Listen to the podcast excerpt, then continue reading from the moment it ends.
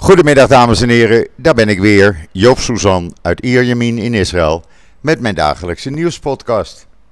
Ja, alweer de laatste podcast van uh, deze week. De weken die vliegen voorbij. Morgen is het alweer weekend hier in Israël. Maar goed, uh, ik heb heel veel nieuws in deze podcast. Uh, dus laten we maar meteen beginnen met het weer, zou ik zeggen. Nou, ja, wat moet ik ervan zeggen? 30 graden 31 graden, uh, blauwe lucht, zwak briesje en daar moeten we het mee doen. Het zou het weekend iets koeler worden, zegt men. Maar goed, we zitten tenslotte dan uh, morgen 1 oktober. Uh, het zijn behoorlijke temperaturen. Maar in ieder geval wel lekker, dus ik denk dat ik zaterdagmorgen maar weer eens even lekker het strand op ga. Een beetje zwemmen met de hond. En lekker lopen, s'morgens zo rond een uur of acht, dat is het lekkerste. Dan is het niet druk en dan uh, lopen er veel mensen met honden. En uh, ja, uh, dan kan je ook lekker even je hoofd leegmaken. Ik vind dat heerlijk. ik heb wel het raam open, dus mocht u geluiden horen, dan weet u waardoor dat komt. want anders moet ik de airconditioning inzetten, aanzetten. En daar heb ik even geen zin in. Het is veel lekkerder met die frisse lucht. En ik schuif het hele uh, voorraam open en dan heb ik uh, één verbinding met het terras. Ja, en dan het nieuws in Israël. Ja, dat is uh, heel tragisch wat er gebeurd is. gisteravond een bijzonder groot autoongeluk in het noorden van Israël. Waarbij een moeder en haar drie jonge kinderen om het leven kwamen een heel gezin in ene weg. De vader ligt zwaar gewond in het ziekenhuis. Men probeert uh, te kijken of hij bij de begrafenis strakjes kan zijn. Drie uur Israëlische tijd. Uh, om uh, zijn gezin op hun laatste reis te begeleiden. Uh, het gebeurt wel vaker dat men mensen die in het ziekenhuis liggen dan op een brancard daar een begrafenis laat bijwonen in bijzondere omstandigheden. Het ongeluk eh, kostte ook het leven aan de buschauffeur en mogelijk volgens alle ooggetuigen die tot nu toe gehoord zijn, was hij afgeweken van zijn uh, rijstrook. Raakte eerst een uh, andere auto en daarna de auto waar deze moeder met haar drie kinderen in zaten. Het gezin was ook bezig op weg naar een familiebijeenkomst. En ze waren bezig met de voorbereidingen van de bar van de zoon. Die uh, binnenkort 13 jaar zou worden. Heel Israël was in shock, kan ik u zeggen. Het werd gisteravond op alle zenders live uitgebreid uh, uitgezonden. Met luchtopnames. Het leger was erbij betrokken. Die met helikopters de kinderen die in de bus zaten kinderen van Benea Kiwa die van een uh, terugkwamen. Uh, naar de verschillende ziekenhuizen in Tsefat, Naria en het Rambam ziekenhuis in Haifa vervoerden. Het leger, de rescue unit, deed dat met helikopters. Daarnaast waren ook alle andere hulpdiensten uit een wijde omgeving uitgerukt en uh, om zo snel mogelijk iedereen uh, in het ziekenhuis te krijgen. als je de schade ook ziet, u kunt het zien op israelnieuws.nl.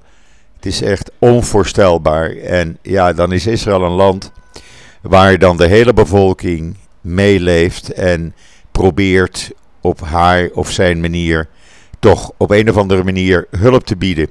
Er is een leger aan psychologen en therapeuten uit het hele land beschikbaar gesteld om de familieleden te ondersteunen, de schoolkinderen waar die drie kinderen op school zaten, klasgenootjes te ondersteunen.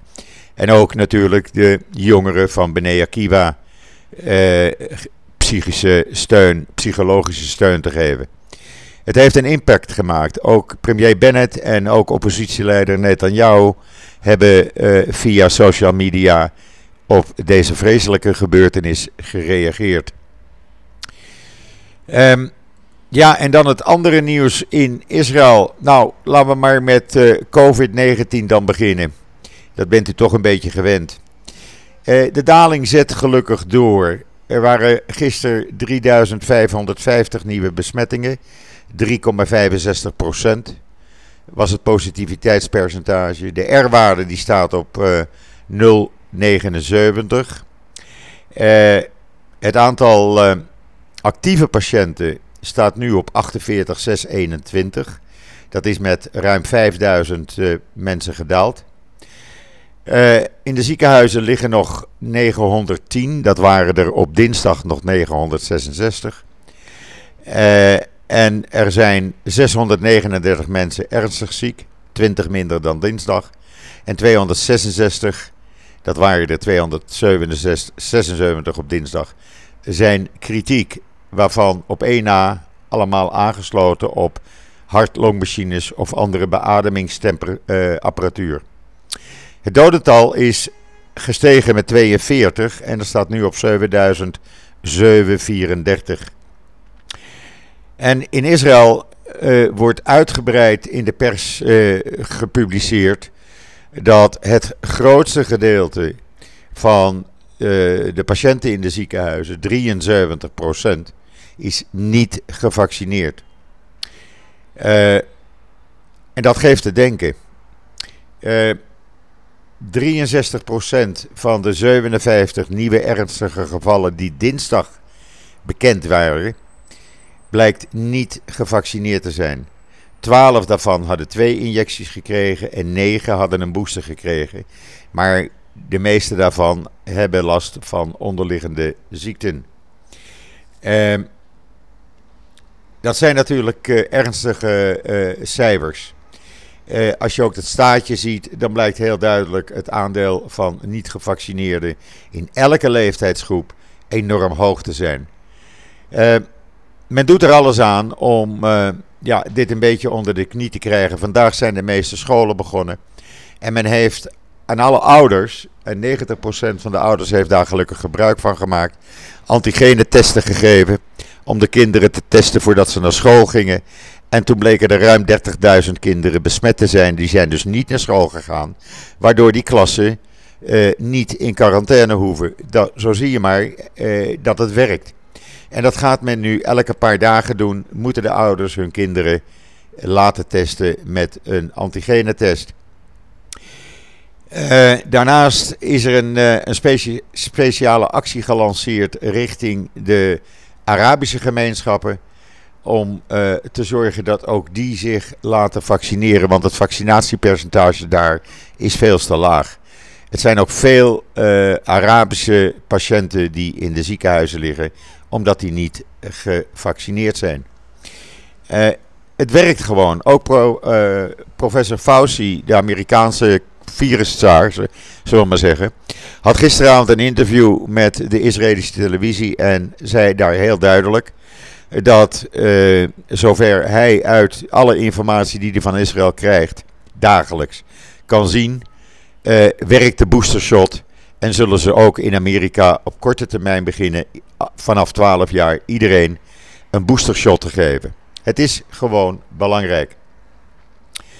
Dan uh, ja, iets heel bijzonders.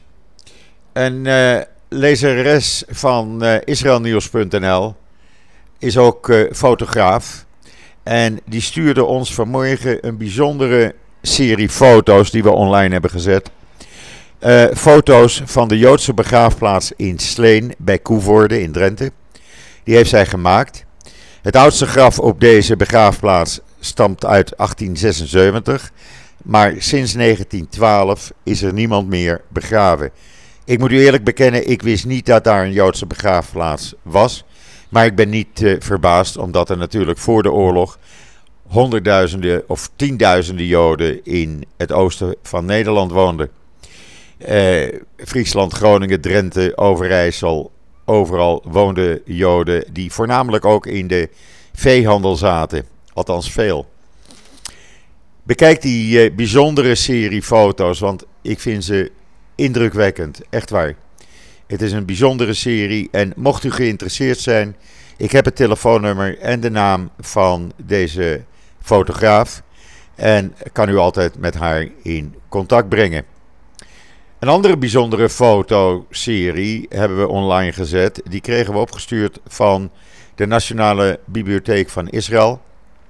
En dat zijn bijzondere foto's, 80 jaar na een van de grootste bloedbaden in de moderne geschiedenis, namelijk het bloedbad van Babi Yar, waar eh, op 29 en 30 september 1941 de nazi's en hun handlangers in twee dagen tijd maar liefst 35.000 Joden vermoorden. En in twee jaar daarop volgend nog eens een keer 100.000 Joden vermoorden. Alleen omdat ze Joods waren. Dit zijn foto's die nooit eerder gepubliceerd zijn. Eh, nogmaals, ik kreeg, we kregen ze van eh, eh, de Nationale Bibliotheek van Israël toegezonden. Uh, bekijk het, het is uh, nogal indrukwekkend, het is nogal schokkend. Ja, en dan vandaag een nieuw hoofdstuk in de betrekkingen tussen Israël en de Arabische landen. Vanmorgen is de allereerste El Al-vlucht richting Bahrein vertrokken met aan boord minister van Buitenlandse Zaken Yair Lapid. Hij is vandaag in Bahrein, komt vanavond weer terug. Uh, ontmoet uh, allerlei ministers, zijn collega natuurlijk van Buitenlandse Zaken in Bahrein. En opent ook officieel de allereerste Israëlische ambassade in Bahrein. Een mijlpaal. Ondertussen is er rond 12 uur onze tijd vanmiddag een toestel van Gulliver geland op Tel Aviv. Die daarmee de twee, uh, twee keer per week uh, de lijnvlucht Tel Aviv, Bahrein en Bahrein Tel Aviv opent. Uh, we kunnen dan in 2,5 uur naar Bahrein vliegen. Nou, we kunnen nog naar Dubai, daar wil ik nog naartoe. Bahrein lijkt me ook iets bijzonders om uh, te zien. Nou, genoeg op mijn bucketlist eigenlijk. Uh, om te gaan doen. En ja, tienduizenden Israëli's zijn mij al voorgegaan. En uh, naar Dubai. En er zullen ook duizenden de komende dagen, of de komende weken, maanden, vooral zakenlieden, naar Bahrein gaan natuurlijk. Even een slokje water. Want het is natuurlijk bijzonder. Wie had dat iets meer dan een jaar geleden kunnen denken? We kunnen dus vliegen naar Jordanië, we kunnen vliegen naar Cairo rechtstreeks, naar Bahrein, naar uh, uh, Dubai. Ja, het is fantastisch. En ik hoop dat dat zich snel uitbreidt. Maar dit is normalisatie. En dan, ja, het is donderdag. Dus we hebben weer een nieuw kosher recept op israelnieuws.nl. Nou, we hebben de afgelopen Joodse feestdagen zoveel gegeten dat ik dacht van laten we iets makkelijks doen. Gewoon barbecue, kippenvleugeltjes met mosterd en dat is me toch een partij lekker. En waarom weet ik dat? Nou, ik heb het namelijk al een aantal keren gemaakt. Kan het iedereen aanbevelen. Gewoon even doen, heel makkelijk, zo klaar en smullen maar.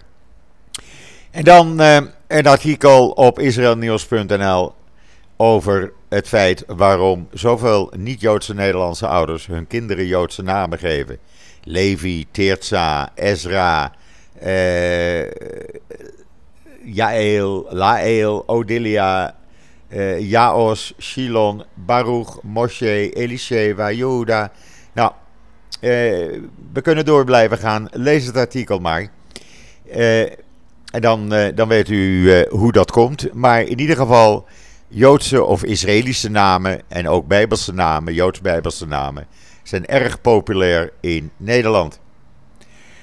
En dan hebben we uw hulp nodig. Althans, ik niet, maar de stichting Jewish Music Concerts in Nederland. U kent ze waarschijnlijk van uh, de Hanukkah-concerten in het Concertgebouw. Elk jaar, ook dit jaar weer. Het kan. Althans, op dit moment ziet het er naar uit dat het kan. Maar ze hebben geld nodig. En dat gaat niet om heel veel geld. Uh, je kan uh, voor uh, op allerlei manieren sponsoren. Je kan ze helpen. Je kan ze als bedrijf steunen. er staan bedragen in genoemd, natuurlijk vanaf 500 euro. Maar geloof mij, als u 50 of 25 euro of 10 euro steunt, zijn ze ook blij. lees het artikeltje. En uh, ga anders even naar uh, de website van Jewish Music Concerts. En uh, meld u aan als sponsor. Want nogmaals, dit moet gewoon doorgaan.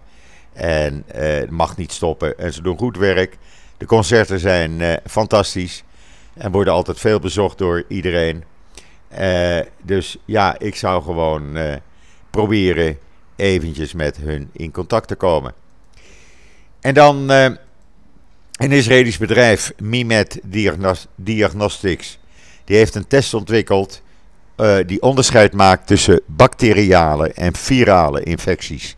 Dat was altijd moeilijk te herkennen door artsen. Ze zijn nu goedgekeurd door de FDA in Amerika. Uh, komt ook in Europa op de markt en maakt het voor artsen heel simpel, heel eenvoudig om nu het verschil tussen een bacteriële en virale infectie te onderscheiden. En dan is er geen onzekerheid meer, maar zekerheid. En dat is zowel voor de arts uh, beter, maar helemaal voor de patiënt natuurlijk, omdat hij meteen weet waar die, hij of zij aan toe is. Dus ja, u kunt het allemaal lezen op, uh, natuurlijk zou ik zeggen, israelnieuws.nl. Ja, en dan, uh, zoals ik zei, het weekend begint in Israël. En uh, ja, morgen natuurlijk veel dingen weer te doen. Uh, je moet toch weer voor Shabbat alles in huis hebben. de situatie met kippen in Israël ligt nog steeds wat moeilijk. Het was zo dat door de feestdagen er is zoveel kip gegeten dat er een tekort aan kippen zijn. Gelukkig had ik mazzel vanmorgen en was er nog een, een paar niet al te grote, hele kippen te koop bij mijn slager. Ik heb er maar eentje meegenomen. Maar voor de rest is het overal moeilijk om aan kip te komen. Ook aan uh, braadboter. Dat is ook zoiets wat gewoon op is. En dat is elk jaar eigenlijk met de feestdagen. En ja, eh, klinkt misschien vreemd in de oren voor u in Nederland. Maar dat gebeurt hier elk jaar. En uh, ja, je hebt zoveel feestdagen achter elkaar een hele maand.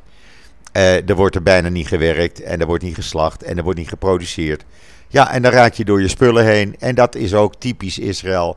Daar moet je maar aan wennen en uh, altijd zorgen dat je vriezer vol is. En dat je altijd wat extra dingen in huis hebt die ja, je dagelijks nodig hebt. Maar ook dat hoort bij het leven in Israël. En dan uh, zaterdag, ja, de kinderen wilden me zien of we gaan misschien een trip maken. Daar zijn we nog niet uit. Ik had zin om eigenlijk uh, de Negev even in te gaan. Het lijkt me wel leuk, lekker weer nu. Maar dat laat ik u dinsdag uh, of uh, zondag allemaal wel, wel weten. Ik moet er nog even over denken. In ieder geval s'morgens wel lekkere strandwandeling. Want dat, ja, dat maakt je hoofd weer leeg. En lekker even zwemmen. Het zeewater is nog gewoon 28 graden op dit moment. Dus ach, niet klagen. Daar is ook geen reden voor. Brengt mij uh, tot het einde van deze podcast. Uh, rest mij u nog alvast een heel goed weekend toe te wensen. En alvast Shabbat Shalom vanuit uh, Israël. Wat mij betreft, ik ben de zondag weer. En zeg zoals altijd, tot ziens. Tot zondag.